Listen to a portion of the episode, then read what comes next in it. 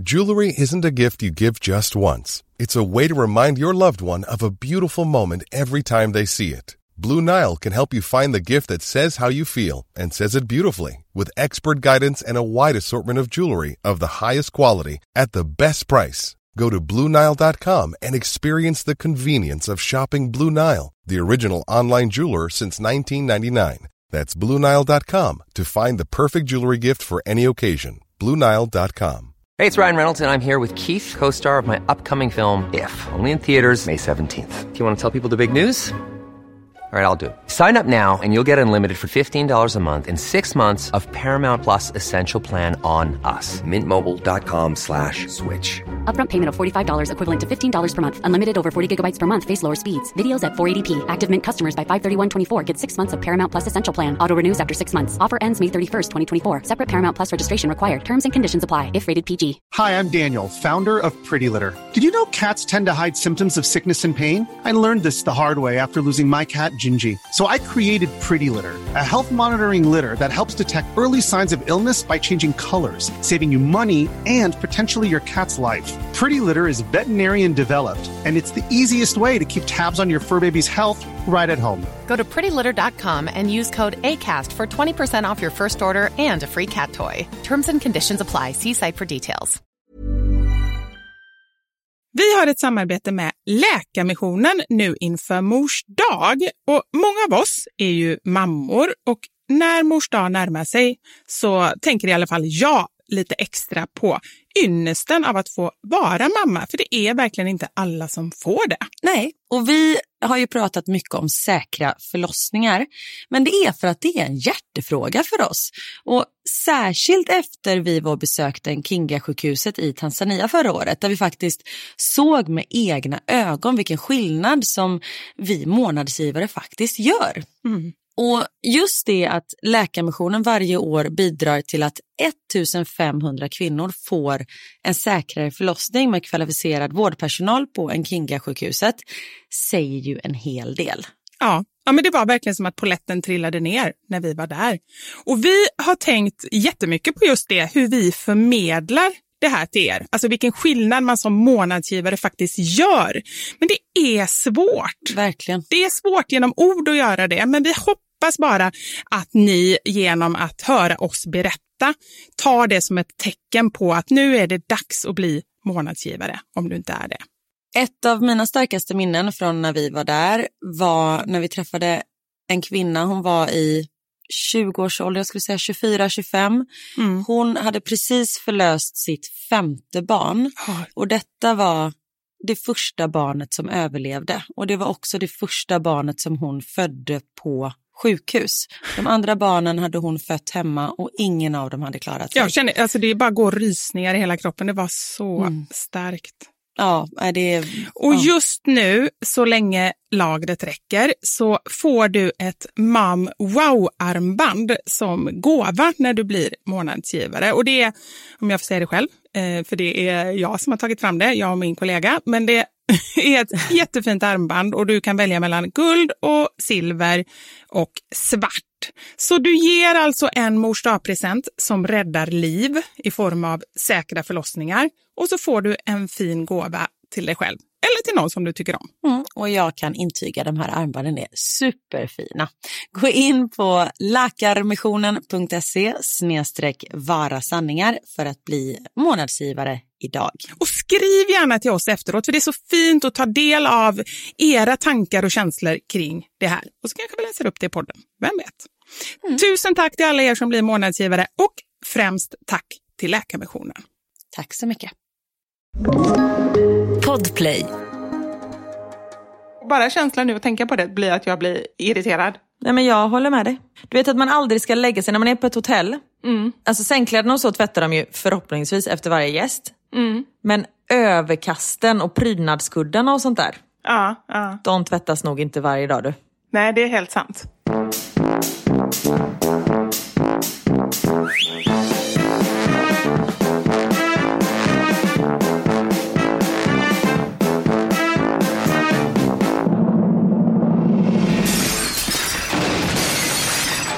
Mamma Sanja med Vivo Karin. Alltså jag har precis tryckt i mig typ den godaste, jag vill säga som en munk med liksom lite sylt i.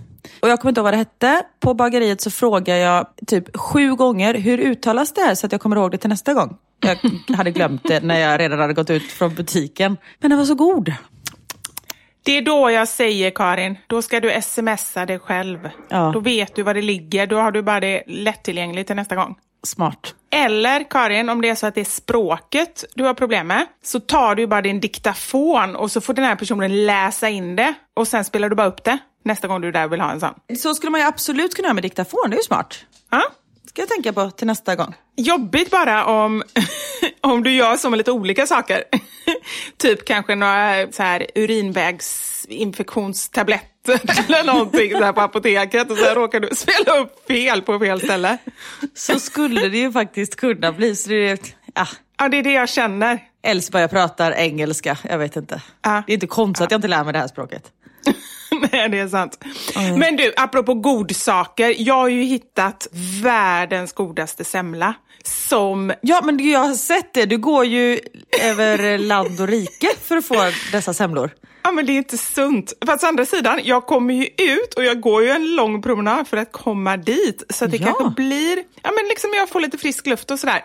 Men alltså det här är, de får ju så mycket reklam från mig, de här. Bröd och salt heter stället och det är ju en franchising så det finns ju på många ställen, i alla fall i Stockholm, jag vet inte. Vi hade en sån eh, där vi bodde på Kungsholmen. Ja men alltså, Ja, men allt de gör är ju så gott. Ja, dels har de så goda mandelbullar som bara de är typ som semlor. Och så nu har de då, det är bullar istället. för Jag gillar ju inte den här vetebullen, jag tycker ju den är torr och tråkig. Alltså den vanliga semmelbullen. Men här tar de sina goda, saftiga, smöriga bullar och gör en semla. Och dessutom så är det inte bara vanlig mandelmassa utan också du vet, så här, hackade mandlar, lite så olika Ja. struktur. Och det är ju så gott. Åh gud vad härligt. Jag köpte faktiskt jäst häromdagen för att baka egna semlor, för det finns ju inte här. Nej. Ja. Nej, men alltså det, ja, och så känner jag så här, det är ju ändå bara en gång om året, eller en, en gång, tre månader. det är en ganska lång tid. Jag kör. Ja men det känns som att semmelperioder, men det känns så med allt nu för sig bara för att folk liksom unnar sig lite extra. Och jag hatar ordet unna för jag tycker man ska äta saker man är sugen på. Och unna tycker jag det låter så ångestladdat. Mm, tycker du tvärtom? Ja. Nej men jag tycker det är så här, nu unnar jag mig det här. Så här. Det här borde jag egentligen inte äta, men jag gör det ändå. Jag unnar mig. Ja, jag fattar. Jag tänker tvärtom. Jag tänker att i de sammanhangen jag säger att jag unnar mig, då är det så här, åh, det ska jag unna mig. Alltså det är någonting positivt. Inte, jag förstår vad du menar, men det är inte Ja. den liksom att jag borde inte, men jag gör ändå. Nej okej, nej. Ja, men det är så jag, eh, så, men det är bara för att det är så jag tänker, att jag borde inte, men jag gör det ändå. Nej. Men vet du, det är ju ett av mina liksom, värsta ord. Har jag sagt mina tre värsta ord? Nej? Eller jo, det har du säkert. Ja. Men jag kommer inte ihåg. Nej, jag säger dem igen. Borde, Ja. inte konstigt nog då eftersom jag sa det nu. Just för att det signalerar att, precis som du sa själv, att det är någonting som man vill egentligen inte men man känner att man ja, just borde. Borde. Ja, man känner att man Ja. borde. Det är liksom så här, så jag, jag försöker verkligen byta ut det. Både ordet då borde och måste. Båda de orden är, nej, det är inte favoriter. Så jag försöker byta ut det mot vill och ska. Ska, det säger mina barn att det är jättekonstigt att säga. Ska, ska man säga. Ska. Ska. Ska. Ja, Ja, ska. Speciellt när du bara sa det som ett eget separat ord. Ska! Ja, det är faktiskt ganska konstigt. Nej, men att de orden... ehm, Det, det kanske inte är så att åh, nu vill jag göra läxorna med mitt barn, tänkte jag säga. Det kanske man vill, men vad finns det för någonting som man inte vill? Man vill inte vika kläder, det behöver man ju inte säga. Men man behöver inte säga heller nu måste jag eller nu borde jag, för det är ju så himla Nej. ångestladdat. Utan nu ska jag vika kläder. Ja. Och vad är tredje ordet då? Just det. ja, det är tredje också. Nej, men det, det var inte på samma sätt, men jag gillar inte heller ordet värdelös.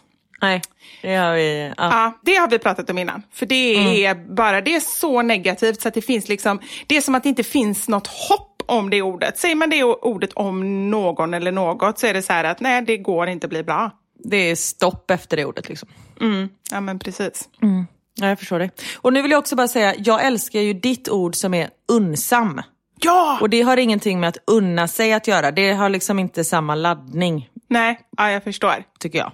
Ja. Så jag var bara, ja. Har du kvar det vid din dator? Ja, ja. Självuppskattning, unsam och sen står det blåpaj. Står det. Jag har glömt lite bokstäver. Blåbärspaj, men det står bara blåpaj. Och för er som missade det, det var ju faktiskt ett väldigt bra avsnitt. Det tåls en påminnelse skulle jag säga. Det var ett avsnitt när vi pratade om sex och relationer och hur man ska närma sig varandra. Och då var det en tjej som hade ett tips att om man känner sig väldigt pressad till att ha sex och man känner att den andra vill mycket mer och sådär, att man ska ha ett kodord. Och de hade just blåbärspaj. Och just därför att slippa säga nej.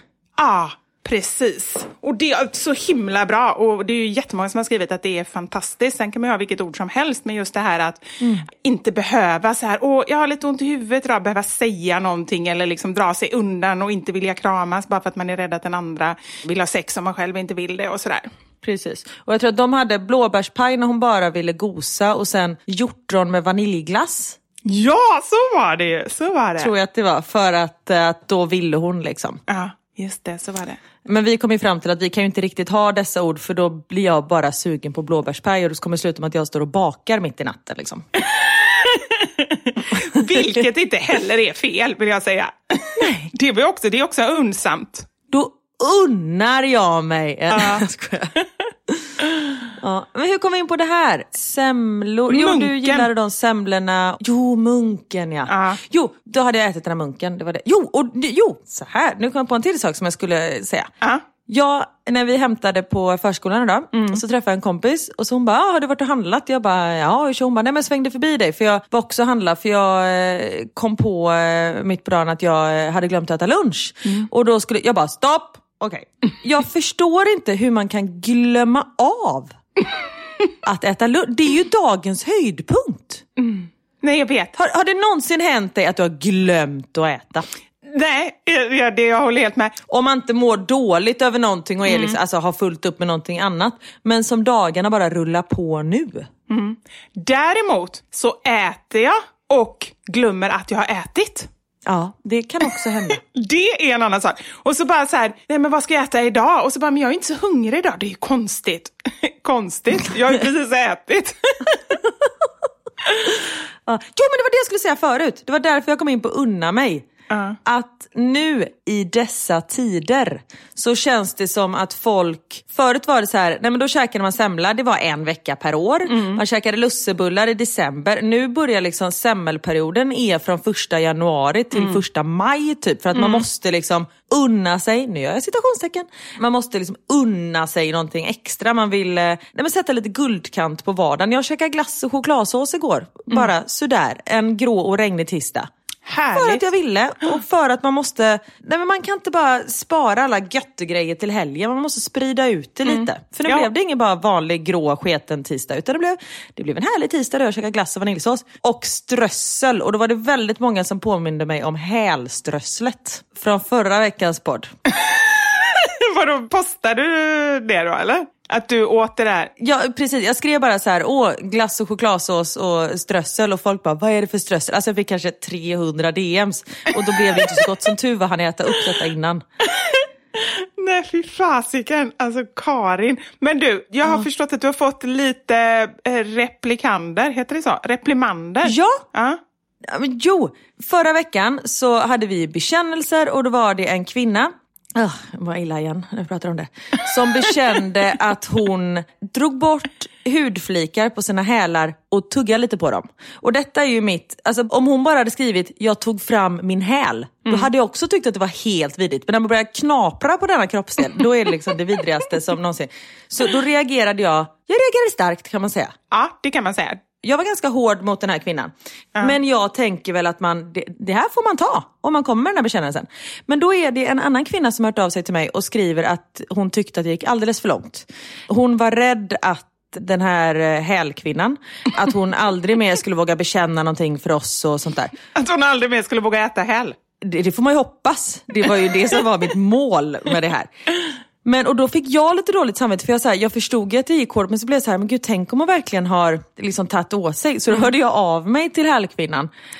Hur hade du koll på henne då? För det är ju inte alltid lätt att ha koll på alla människor som skriver. Henne glömmer jag aldrig. Erkänn att du vet vad hon heter. Nej, sa vad hon hette, vad rolig du är. Ja. Nej, men då hörde jag av mig till henne och bara så här, eller jag kan läsa upp vad jag skrev till henne. Jag skrev så här, hej. I dagens avsnitt tar jag upp din bekännelse och jag är ganska hård inom situationstecken mot dig. Är det för att hennes häl är hård så försökte du skoja eller? Nej. Jättehård, exakt. Modigt ändå att skoja i ett förlåt-mail. Det kommer mer, det kommer mer. Ville bara se så att du inte tog illa vid dig. Självklart säger jag allt som jag gör med glimten i ögat. Bla bla bla. Hoppas att du är okej som sagt. Kärlek och kram. Hälsningar Karin. Roligt, eller hur? Ja, det var jätteroligt. Ja, tack. Och då fick jag svar och vet, så här, hjärtat sjönk. Alltså jag fick så här lite dåligt samvete. Och då fick jag bara tillbaka så här. Ha, ha, ha, ha. Absolut ingen fara. Det finns ju en anledning till varför man gör det när absolut ingen ser.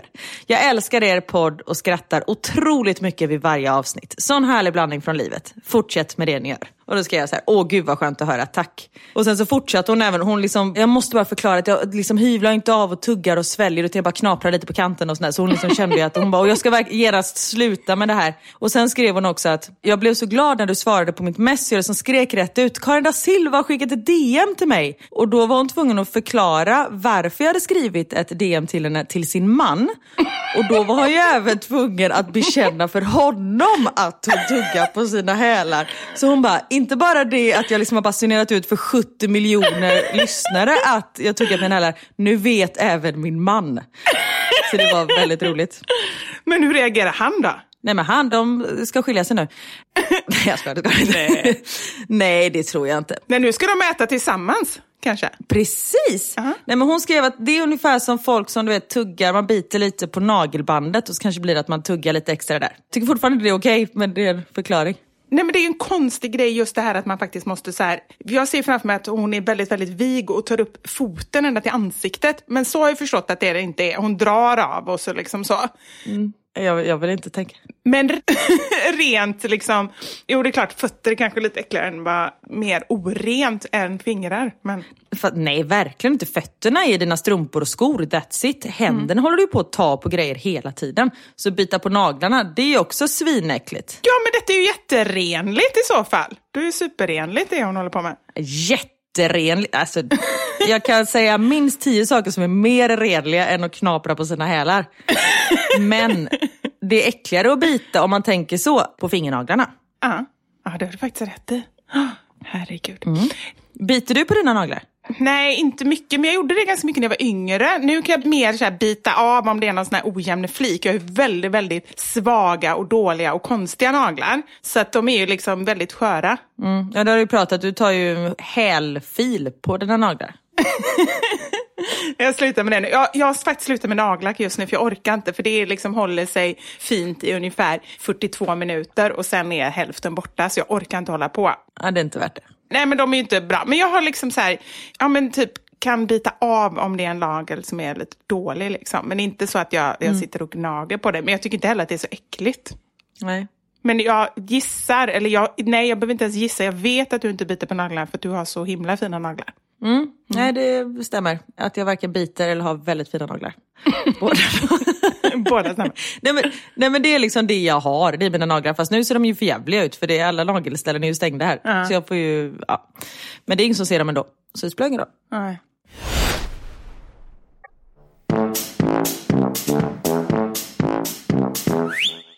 Jag tänkte på det här om dagen för jag, hade, jag fick feeling och bara kände så här, nu ska jag ta en repa på stan. Men det, folk står ju typ och klockar en så man får vara inne du vet, max i 20 minuter i varje butik så man blir så stressad. Men så går jag runt där i en butik och jag känner bara så här, vad fan ska jag köpa? När ska jag använda de här kläderna? Nej, men så är det ju. Men det är därför du ska köpa så här mer härliga kläder som du kan ha hemma. Sen kan det ju vara, om vi säger att du köper en hoodie, då kan ju den kanske vara lite glittrig. Alltså kan man inte göra dem lite mer festliga, vardagskläderna, som ändå är bekväma liksom? Eller? Jo, absolut. Jag har ju, jag tänkte säga att jag har ju mycket skjortor som jag går runt i. Det, jag behöver ju inte ljuga rätt ut alltså. Jag går runt i Du har inga skjortor?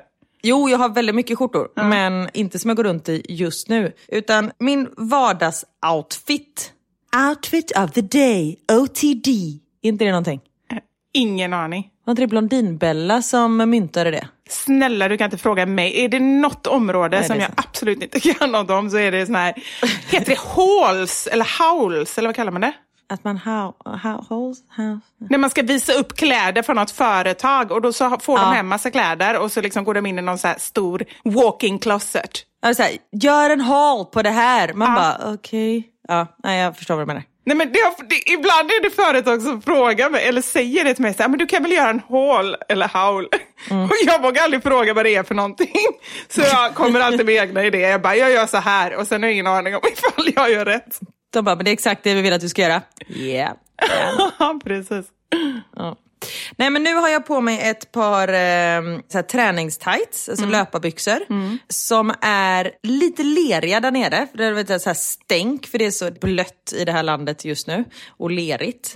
Så det är lera på byxorna där nere. Ett par strumpor som, de ska vara gråa men de är typ svarta på tårna för mina skor när de blir blöta färgar av sig. Och sen har även de här byxorna otroligt mycket hundhår på sig för jag låg och lekte med Richie förut på mattan. Både mattan och eh, självaste Richie är väldigt håriga så de har liksom eh, blivit så. Sen har jag en väldigt varm stickartröja på sig med eh, lite smulor, ser jag här nu på bröstet, från min eh, munk som jag åt förut. Ja, så skulle det vara om Karin da Silva var modeinfluencer? Ja, det skulle man kunna säga. Men det är väldigt, väldigt skönt. Du, jag har gjort en eh, lista. Oh yeah! Karins, Karins, Karins lista!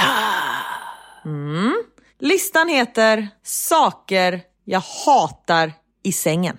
Oh shit! Hata med dig tror du skulle säga. Saker jag hatar med dig? Nej. Nej. Nej, den hade blivit väldigt kort. Den hade varit obefintlig, den listan. Ah. Ja, plats nummer ett. Niklas. Nej, jag skojar. Absolut inte. Älskar Niklas. Älskar vad han gör i sängen och allt sånt. Ja. Men plats nummer ett har faktiskt med Niklas att göra, men inget sexual, om man säger så. Nej. Ja. Jag hatar när man är svintrött, tror man, så går man och lägger sig och tänker så här, jag kommer ju somna innan huvudet ens har liksom rört kudden. Aha. Men så somnar personen bredvid en lite snabbare. Så man är tvungen att ligga och lyssna när Niklas ligger och njuter av att sova och ligger och småsnarkar lite, gnisslar lite tänder, du vet bara har det jävligt gött där. Då går det ju inte själv att somna. Nej. Nej, men jag håller helt med. Just det här, hur trött man än är, den, när den andra somnar först, då är det något lite störande i det Jaha. som gör att man själv vaknar till. Liksom. Nej men jag blir så arg. Det är därför jag alltid går och lägger mig typ med barnen så att det inte ska hända. För de vet jag, där somnar jag alltid först. Jag somnar alltid före barnen. Aha, är det så? Ja, nej men jag, alltså den senaste tre veckorna, jag har ju gått och lagt mig vid åtta. Jag går och lägger mig med dem men gud vad skönt. för att natta dem. Ja. Och sen så kommer Niklas upp och väcker mig typ vid tio och bara, ska du? Man bara, oh, okej. Och det är därför jag inte riktigt kan somna sen när det är dags för mig att sova. För då har jag tagit en liten nap mellan åtta och tio. Ah, just det. Ah, jag känner igen det så väl när mina barn var i den åldern. Varenda kväll hände det. Nej men det slår aldrig fel. Plats nummer två. En fråga bara innan du fortsätter. Är detta någon inbördes ordning? Har du börjat med den värsta som du sa till mig att så får man inte göra listor, att man börjar med liksom toppen? Eller? Nej, de är, det är ingen ordning på de här. Det är bara saker. Jag skulle kunna säga punkt två, inte plats två. Ja, nej, bra. Mm. Punkt två. Här i Belgien och kanske andra delar av världen har man andra mått på sängkläder än vad man har i Sverige. Jaha. Ett singeltäcke i Sverige, om man liksom går till Hemtex eller Ikea eller något sånt där, så är måtten 150 gånger 200. Det är liksom ett täckemått. Att du har koll på det har jag ingen aning om hur stora tecken är. Men, ah. Nej men det var jag ju tvungen för att jag var och googlade för att när jag Ah, skulle okej. köpa Ah. nya sängkläder nu. För jag köpte i julklapp till Niklas, det vill säga jag köpte det till mig själv men kunde inte med och köpa det till mig själv så jag skrev att det var till Niklas på kortet. Och då köpte jag nya sängkläder på Zara. Lite jobbigt, du bara God jul Karin! Om du ger bort det till dig själv. Ja, exakt. Det var det jag kände att jag inte kunde. Så därför skrev jag det. God jul älskling från Ja. din fru och så är det. Men vi använder dem ju båda två. Ah. Men då köpte jag nya sängkläder och de är 150 gånger 210. Det vill säga de är en decimeter längre. Varför vet jag inte. För jag tycker inte att belgiska människor är längre än svenska människor. Nej. Men och detta för med sig att täcket i påslakanet sitter liksom inte där det ska. Ja, jag fattar. Så då blir det att du vet, när man, det glider ner. Så när man ligger med täcket och jag vill gärna, du vet, jag vill ligga som en liten burrito typ. Jag är helt, jag har täcke upp till hakan och det är liksom, jag ska vara helt instoppad. Men då blir det att jag bara har örngott. Heter det örngott? Är det på kudde? Nej, påslakan heter det. ja, påslakan. Ja, då har jag liksom bara påslakan tyg längst upp i och med att täcket som är i har åkt ner en decimeter. Ja. Nej, nej, nej, nej. Sånt blir man ju så irriterad över. Ja, ja, så detta blir att mitt i natten då får jag gå upp och skaka de här täckena för att liksom fixa det. Och då vaknar Niklas, jag vaknar och sen somnar Niklas om tidigare än vad jag gör och då kan jag inte somna om. Så då är du egentligen tillbaka på punkt ett där då? Japp. Ja, jag fattar. Punkt tre på listan där jag listar saker som jag hatar i sängen är. Vi tvättar våra sängkläder, jag vet inte, var tionde dag. Man ska väl göra det typ var femte dag, men vi är dåliga på det här. Men när man äntligen kommer ihåg att göra det, då tar vi liksom alla sängkläder i hela huset, börjar med barnens och sen så våra sådär. Och då känner man så här, fan vad gött, nu blir det rent och fräscht och härligt, tänker man på morgonen. Sen när man väl går och lägger sig, lite för sent, är svintrött, då kommer man upp. Sängen är obäddad. Sängkläderna ligger blöta i tvättmaskinen någonstans. Man bara, fan. Och så är man tvungen liksom att säga, när man bara vill sova.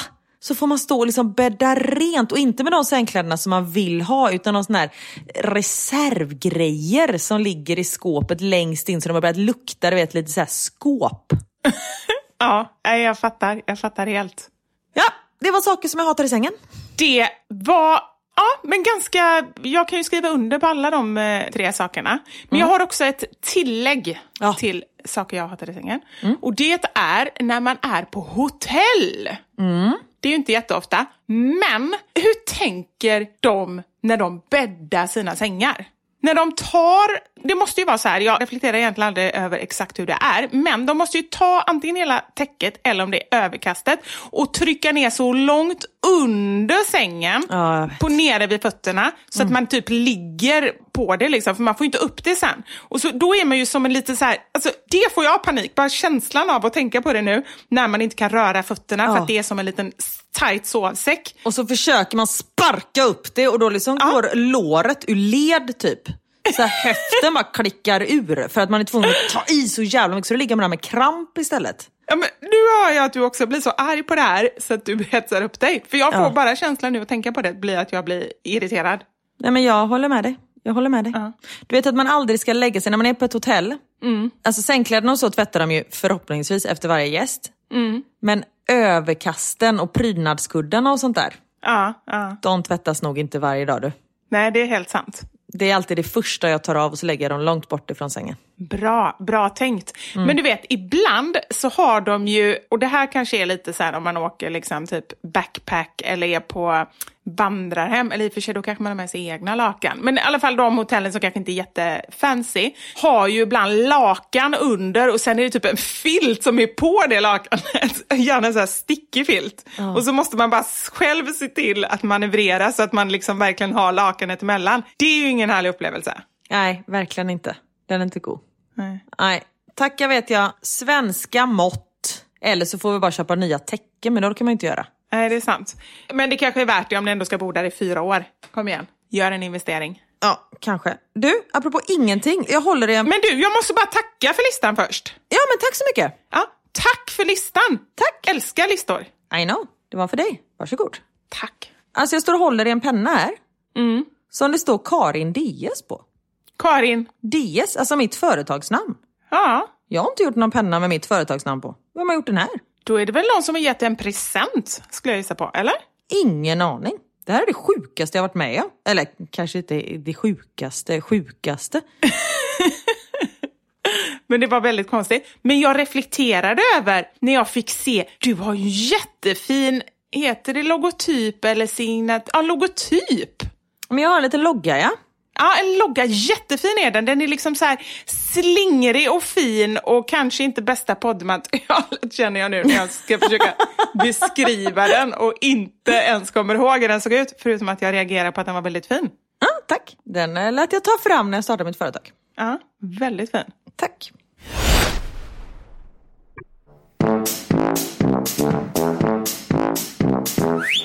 Nu har vi ju kommit fram till veckans mammasanning och jag kan säga att när du föreslog den här mammasanningen så blev jag lite sådär, mm, vi får se hur det här går. Men herregud, jag kan säga så här, ta fram papper och penna för det har blivit dags för...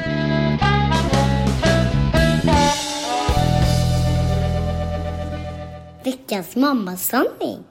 Vi bad ju er som lyssnar, såklart, det hade varit jättekonstigt om vi bad några andra, om era bästa och mest användbara råd som ni har fått av antingen en psykolog eller en god vän eller något sånt. Men goda råd. Och det, alltså man behöver ju inte betala någon terapeut när man har oss snart. För det är så mycket bra tips och råd. Ja, men det var det jag kände lite så här, för att jag tänker själv då som har gått i terapi, skulle säga, ja men av och till har jag gjort det genom åren, men sammanlagt skulle jag säga att jag kanske har gått i sex eller sju år. Det är många terapitimmar kan jag säga. Och ändå kan jag ju fortfarande komma tillbaka till några saker som man ändå känner sig, men det här har verkligen gjort avtryck. Sen måste jag ändå säga det, det är ju inte så att man går i terapi för att få så här, tre råd som ger avtryck på jättemånga år. Utan jag tror ju att även, man kan vara där ibland så kan jag känna, så här, "Ha, vad gav det här egentligen? Men jag är helt övertygad om att det ändå ger någonting, även om det inte är så liksom någon one-liner eller så, utan att man får tid att processa saker, det sjunker in, alltså det är klart att det ger ändå. Men just att få det som ni kommer få nu, alltså verkligen sådana här liksom, saker som har hjälpt folk ordentligt, gör ju att förhoppningsvis så kan vi hjälpa fler.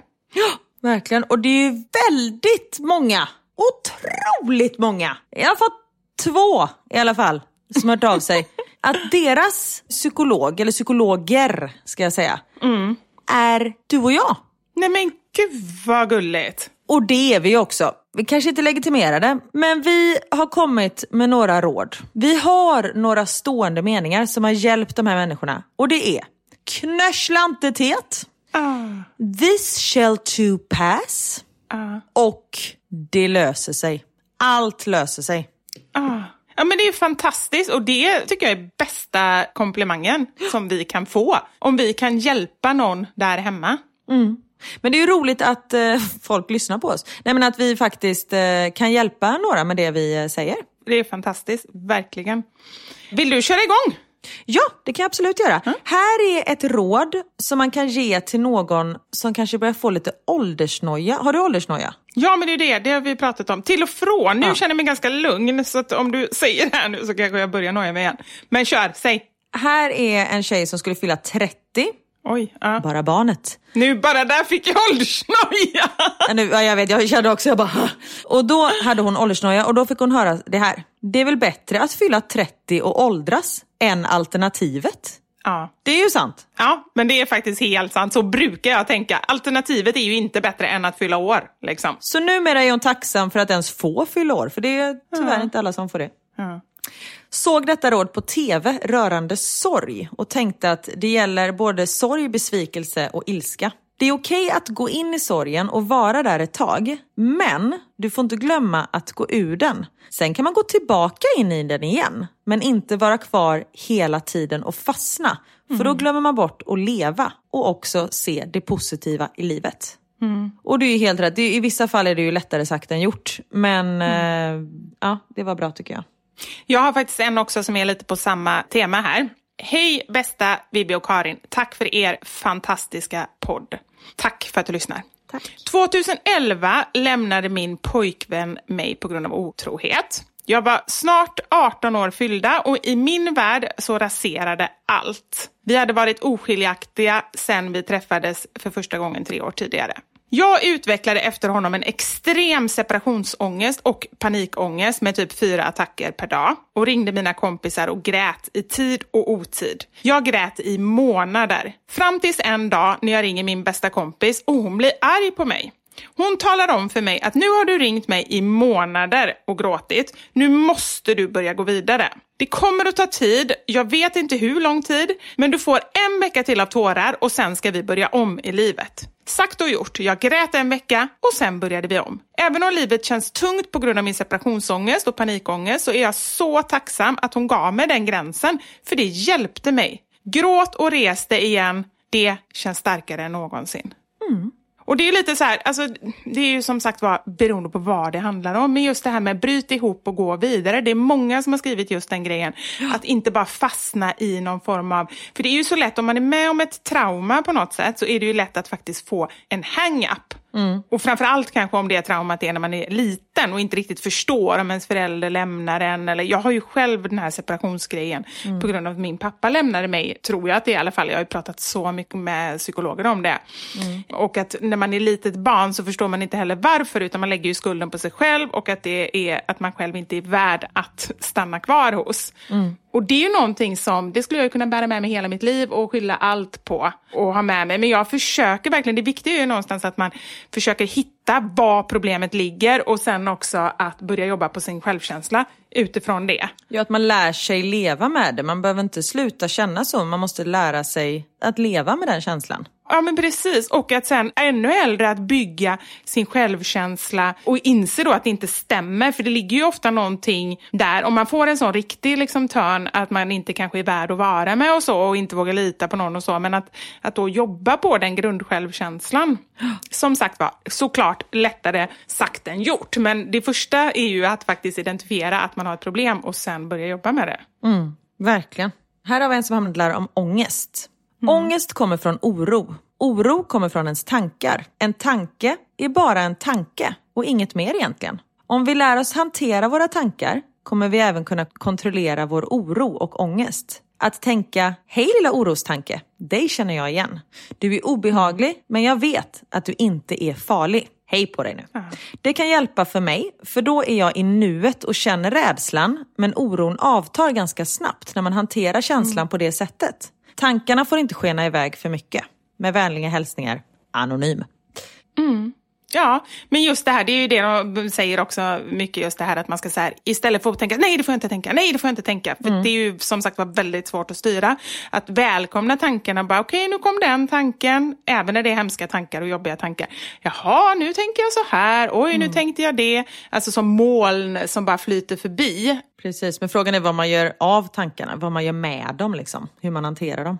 Jo, men jag, jag menar mer att när man eh, märker tanken att man inte behöver tänka att man, och det får jag inte tänka, för det är Nej, lätt att precis. göra det. När man börjar inse så här att, ah shit, nu tänker jag negativa tankar om mig själv, då kanske man börjar slå på sig själv för att man tänker negativa tankar.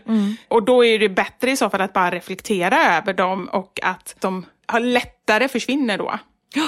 En av mina absolut bästa kompisar har haft väldigt mycket ångest i sitt liv och under en period så gick hon i terapi och där så lärde de henne att skatta sin ångest. Alltså varje gång hon fick en ångestattack så skulle hon skatta den mellan 1 och 10.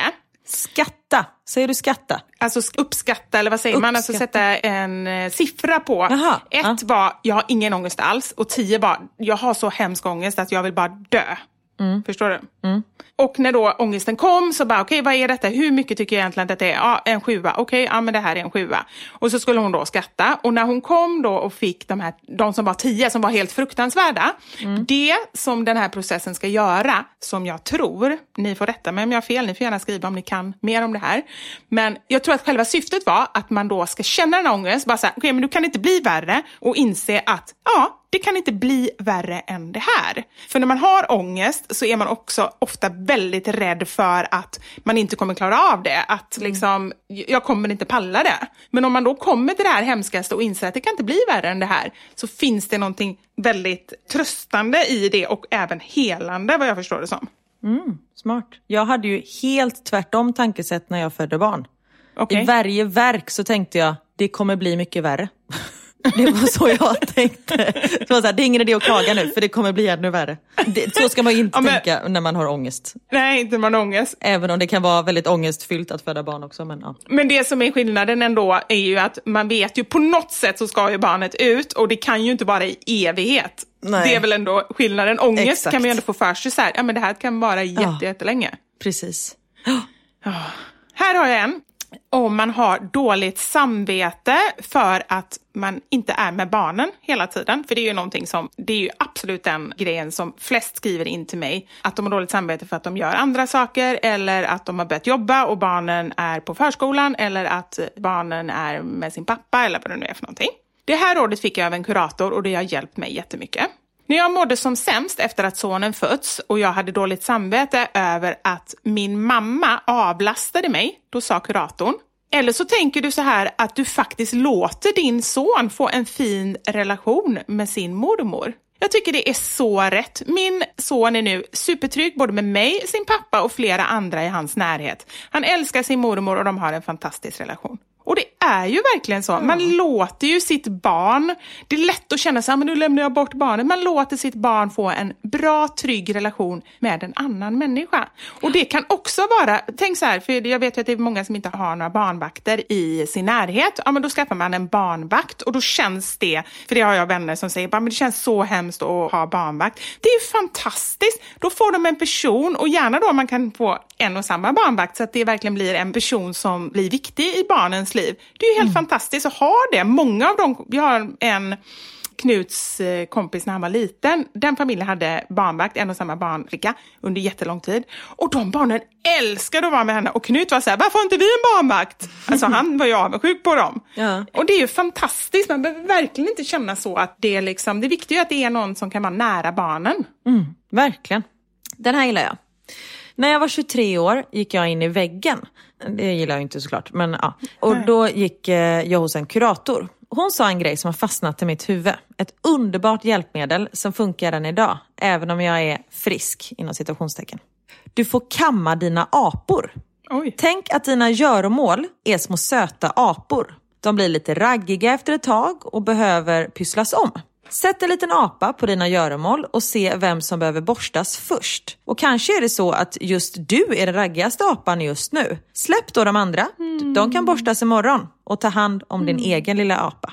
Sen kommer kruxet. Om man har många små apor kanske man får börja med den som är minst raggig för att få det överstökat. Var inte det smart? Mm. Just det, där kommer vi in lite på det som vi pratade om vid ett annat tillfälle. Nu är det en helt annan grej, men när man har mycket att göra till exempel att man ska börja med de göromålen eller mejlen som tar mindre än fem minuter för då är man Precis. av med det. Exakt. Alltså så, det är ju lite samma tankesätt. Mm. No, men, åh, jag bara ser framför mig de här... Du vet, jag, jag är inte så förtjust i djur, men det finns ju ett djur som jag älskar och det är just apor. Är det så? Alltså det är någonting... Ja, jag börjar nästan gråta. Jag såg ju... Jag, jag, jag gråter inte så ofta, men det var... Ja, men nu är det länge sedan, nu är det flera år sedan. Och jag såg ett program om en stackars... En apa som hade blivit uppfostrad av människor. Och mm. sen så hade hon blivit aggressiv i något tillfälle så att hon var tvungen att lämnas bort. Jag har aldrig gråtit så mycket. Jag grät och grät i typ en och en halv timme, både under programmet och efter programmet. Det var så, det är någonting med just apor som gör, mm. det, det liksom rör mina känslor. Det är väl för att de är så mänskliga, det är, ja. det är nära oss liksom. Och så kan de inte säga någonting och så tittar de bara och liksom, mm. ja. Och så bara bilden då av de här raggiga aporna blir så här att jag bara vill ta hand om dem allihopa. Ja. Men inte alla på en och samma gång. Nej. Nej. Just det här att ta sig själv först. Det är ju ja. det, det är många som har skrivit också. Ja, Sätt på verkligen. sig själv syrgasmasken innan man hjälper någon annan. Och det är, man vet om det, men det hjälper ju inte om man inte gör någonting åt det. Så det Nej. tåls att påminna sig. Ja, precis. Här har jag ett konkret tips som man kan göra. När man lider av ångest, som jag och många andra gör i tystnad, så lärde min KBT-terapeut mig att ta ett föremål från en plats som man finner rofylld och icke ångestladdad. Jag har en speciell plats i en skog där jag finner frid. Därifrån har jag tagit med mig en sten som jag har i min ficka. Varje gång jag känner att ångestattacken är på väg och jag är på jobbet eller i affären så grejar jag lite med stenen i fickan och tänker på hur jag mår när jag är på min plats i skogen. Och så försöker jag vända tanken dit istället för till ångestattacken. Bästa tipset och det är så lätt. Vad fint. Jättefint. Sånt gillar man ju. Mm. Tro inte på allt du tänker. Bara för att man har negativa tankar om sig själv eller någon annan, eller något annat, betyder inte att det är sant såklart. Det är bara en tanke. Mm. Och det är Björn, eh, heter han Nattiko? Mm. Lindeblad som mm. har sagt det. En klok person. Ja, men han är ju så klok. Ja. Ja. Har ni inte lyssnat på sommarpratet när han är med så gör det. Även Framgångspodden Mm. är han med i flera avsnitt tror jag och han har också nu skrivit en bok. Alltså så många lärdomar. Han är ju en tidigare munk som nu har fått, jag tror det är ALS. Är det det? Ja. Så han har, jag vet inte hur lång tid han har kvar, men jag vet att han är dålig. Och ja, men Det är så mycket grejer som, som kanske kan vara svårt att reflektera över i livet när man har alla vad ska man säga, vardagsbekymmer. Men eh, man kan behöva bli påmind om det. Verkligen. När jag blev mamma för första gången sa min syster så här. Ta allt som kommer med din nyfödda bebis som sjögräs. Bara häng med när det svänger och böljar. Sänk kraven och lyssna på ditt barns behov. Ditt kontrollbehov får ta semester nu. Och det är verkligen, det stämmer ju för en bebis är ju otroligt oräknelig. Säger man så? O- Ja. Oberäknelig. Oberäknelig, tack. Så just den här bilden av sjögräs som bara står och vajar, jag gillar den jättemycket. Ja. Ja, för det finns ju någonting. Jag, det är ju ingen slump att... Jag tror att de som tycker det är jobbigast att bli föräldrar, om man nu inte får förlossningsdepression eller sådär, men annars är just om man har väldigt mycket kontrollbehov. För att det är ju verkligen ett tillfälle där man inte har någon kontroll. Så klarar man av att släppa det, jag tror ju mer man klarar av att släppa det, desto bättre kommer man må.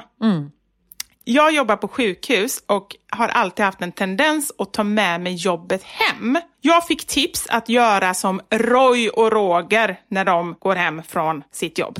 Hej då macken, är det väl det de säger. Hej då mocken, vi syns imorgon. Exakt. Fast då, hej då sjukhuset och lämna jobbet där. Och det hjälper. Att man rent liksom symboliskt faktiskt säger hej då, nu får du vänta här. Jag tar inte med mig alla patienter och alla deras bekymmer och oro hem. Jättebra. Att säga nej är att säga ja till något annat. Ja, det är så. Det här, det satte sig hos mig nu. Det var i sin enkelhet, det är klart jag har hört det hundratusen gånger, men det blev bara så tydligt att då säger man ju ja till det som man kanske hellre vill eller behöver. Precis, det behöver inte vara något negativt. Jättebra. Jag oroar mig ofta kvällstid när jag ska somna och fick då tipset om orosförskjutning. Om en massa tankar, oro dyker upp så ska jag säga till mig själv, okej, imorgon klockan 12, då får du oroa dig för detta. Då blir jag lite lugn över att jag faktiskt kommer få oroa mig över det. Men oftast har jag glömt bort vad det var jag skulle oroa mig för. Det låter kanske konstigt att det funkar, men för mig har det funkat i säkert nio fall av tio. Jättebra. Lägg problemet där det hör hemma. Och det kan ju faktiskt stämma. Alla problem är ju faktiskt inte dina. Utan det kanske är någon annans problem. Då kanske det är de som ska ta hand om det. Man kan inte lösa allting själv. Nej, verkligen inte. Och det här tipset eh, som kommer nu är ungefär i samma anda. När någon är ledsen så behöver inte du komma med en lösning. Lyssna och krama och låt personen ventilera. Du behöver inte lösa problemet. Och det har vi ju sagt många gånger innan. Ja, precis. Ibland räcker det med att bara ge en kram.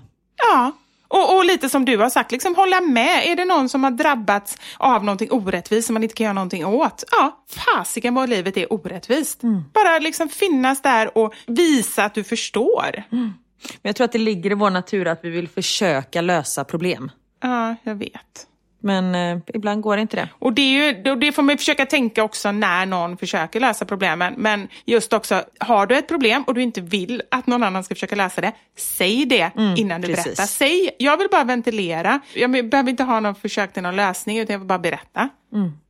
Det här tycker jag är så viktigt. Värdesätt dig själv lika högt som dina vänner. Följ samma råd som du ger dem. Du skulle aldrig säga till din kompis till exempel, du är värdelös, eller du är tjock, eller du är ful, eller eh, Nej. något sånt där. Nej, ja men verkligen. Men den känner jag också så här, den är jätte, jättebra, men den är bara så himla mycket lättare sagt än gjort. Eller? Ja, verkligen. Gud ja. Våga visa och säga att du är nöjd och glad med ditt val så markerar du samtidigt automatiskt att du inte är så intresserad av att höra vad andra tycker. Det sa en psykolog till mig när jag hade ångest och panikattacker inför att berätta om min livsstilsförändring för min familj som sällan stöttar mina beslut om de inte är i linje med vad de vill. Det är det bästa rådet jag har fått. Min familj säger alltid sitt, men när jag ändrade mitt sätt att agera så har de slutat yttra sig. Och det, om jag ska bara gissa liksom så här, hur, så här, rent konkret så kan jag tänka mig att det är så här att ja, men om, om hon nu har bestämt sig, ja, men vi ska flytta utanför stan, vi ska inte hänga med i det här liksom, livskarusellen och pusslet utan nu ska vi bara ja, men ta det lugnare och de går emot det. Att man är väldigt tydlig med att det här har vi beslutat och det känns väldigt bra och jag är säker på mitt beslut. Att man är tydlig när man berättar det, att man inte liksom frågar vad tycker du om det här och så. Nej, precis. Så tolkar jag det. Jag kan ju bara säga ett eget tips som jag lärde mig när jag gick i terapi när mina föräldrar separerade. Var att fyrkantsandas. Vet du vad det är? Okej. Nej, det vill jag gärna lära mig för jag kan inte andas överhuvudtaget. Nej, men det är jättebra. Jag andas upp i halsen liksom. Ja. Om du tittar på någonting som är fyrkantigt, typ en tavla, Ja. eller se en ruta framför dig. Ja, jag har ett eh, köksskåp framför mig här. Ja. Ja, perfekt. Då tar du översta linjen, om man säger så, från vänster till höger. Så räknar du, samtidigt som du andas in, räknar du till tre. Så du gör en, två, tre, när du kommer till det högra hörnet. Nu när du går från det högra hörnet till det nedre, Ja, men gud, jag håller ju på att svimma här under tiden du berättar. Jag sitter och håller andan. ja, men du får andas under tiden. Ja, okej. ja. Då håller du andan när du drar ner och räknar till tre. Så du gör en, två, tre. Och sen från nästa hörn så räknar du till tre och då andades du ut. En, två, tre. Och sen håller du andan en, två, tre. Så andas in. En, två, tre. Håll andan. En, två, tre. Andas ut. En, två, tre. Och håll andan. En, två, tre. Men gud, det är ju jättebra. Ja, det är fyrkantsandning. För jag, det är verkligen en sån grej som jag har tänkt på. Det har jag reflekterat över de senaste åren. Att jag andas så ytligt. Jag andas ju uppe i halsen eller liksom högst upp i bröstkorgen. Och jag tror, och detta är ju jätte, jättesorgligt, men jag tror att jag har gjort det ända sedan jag var liten. Och att det på något sätt någon gång så har jag varit på min vakt. Och det är ju liksom så här, det kan jag bara tänka men det första man gör är att dra upp axlarna och liksom inte andas ända ner i magen utan man så här, börjar andas så här ytligt. Och övar man inte på det eller liksom reflekterar över det, då fortsätter man ju med det hela livet. Och det, jag kan ju inte tänka mig, det måste ju vara jätteonyttigt. Superonyttigt. Det är ganska viktigt att andas. Och detta gör ju verkligen att man blir lugn och när man är lugn då tänker man ju faktiskt bättre. Så det, det kan ni ta med er. Tack för tipset. Du, jag är ledsen. Jag måste gå för jag måste åka och hämta mina barn. Åh, jag har jätte, jättemycket kvar. Vi kanske får fortsätta med det här i, i en annan podd. För det känns som att det... Ja, men det kan vi väl göra. Vi kan fortsätta med det nästa vecka. Eller hur? För jag tycker att jag har massa grejer kvar. Och det betyder ju att ni där hemma som lyssnar på det här har möjlighet att eh, skicka DM till oss med fler tips. Och som Karin sa, jag formulerade nog mig annorlunda. För jag ska ju bara säga psykologer och terapeuter, men, alltså vad man har lärt sig av dem. Men det kan ju lika väl vara av en klok vän eller någonting man har läst i en bok eller någonting annat. Precis. Men hörni, jag är ledsen att jag är tvungen att eh, avsluta, men eh, barnen måste hämtas. Vi har hållit på länge. Ja, det har vi gjort. Tack snälla för att ni lyssnar hörni. Tack för idag. Och tack för idag. Ja. Och vi ses tänkte jag säga, det gör vi inte alls. Men snart förhoppningsvis. Vi hörs nästa vecka. Det gör vi absolut. Ja. Puss och kram på er! Hej! Mamma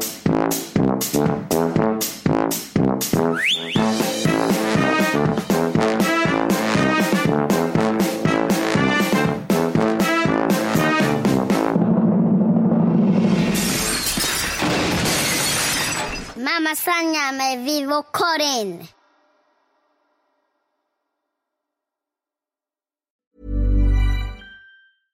Imagine the softest sheets you've ever felt. Now imagine them getting even softer over time. That's what you'll feel with Bowl and Branch's organic cotton sheets. In a recent customer survey, 96% replied that Bowl and Branch sheets get softer with every wash. Start getting your best night's sleep in these sheets that get softer and softer for years to come. Try their sheets with a 30-night guarantee. Plus, get 15% off your first order at bowlandbranch.com. Code BUTTERY. Exclusions apply. See site for details.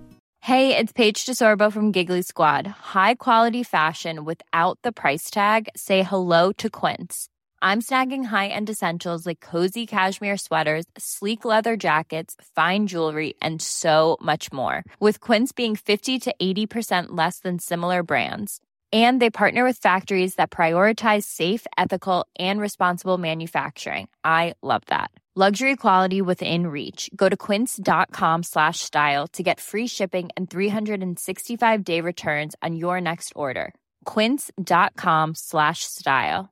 Hi, I'm Daniel, founder of Pretty Litter. Did you know cats tend to hide symptoms of sickness and pain? I learned this the hard way after losing my cat, Gingy. So I created Pretty Litter, a health monitoring litter that helps detect early signs of illness by changing colors, saving you money and potentially your cat's life. Pretty Litter is veterinarian developed, and it's the easiest way to keep tabs on your fur baby's health right at home. Go to prettylitter.com and use code ACAST for 20% off your first order and a free cat toy. Terms and conditions apply. See site for details.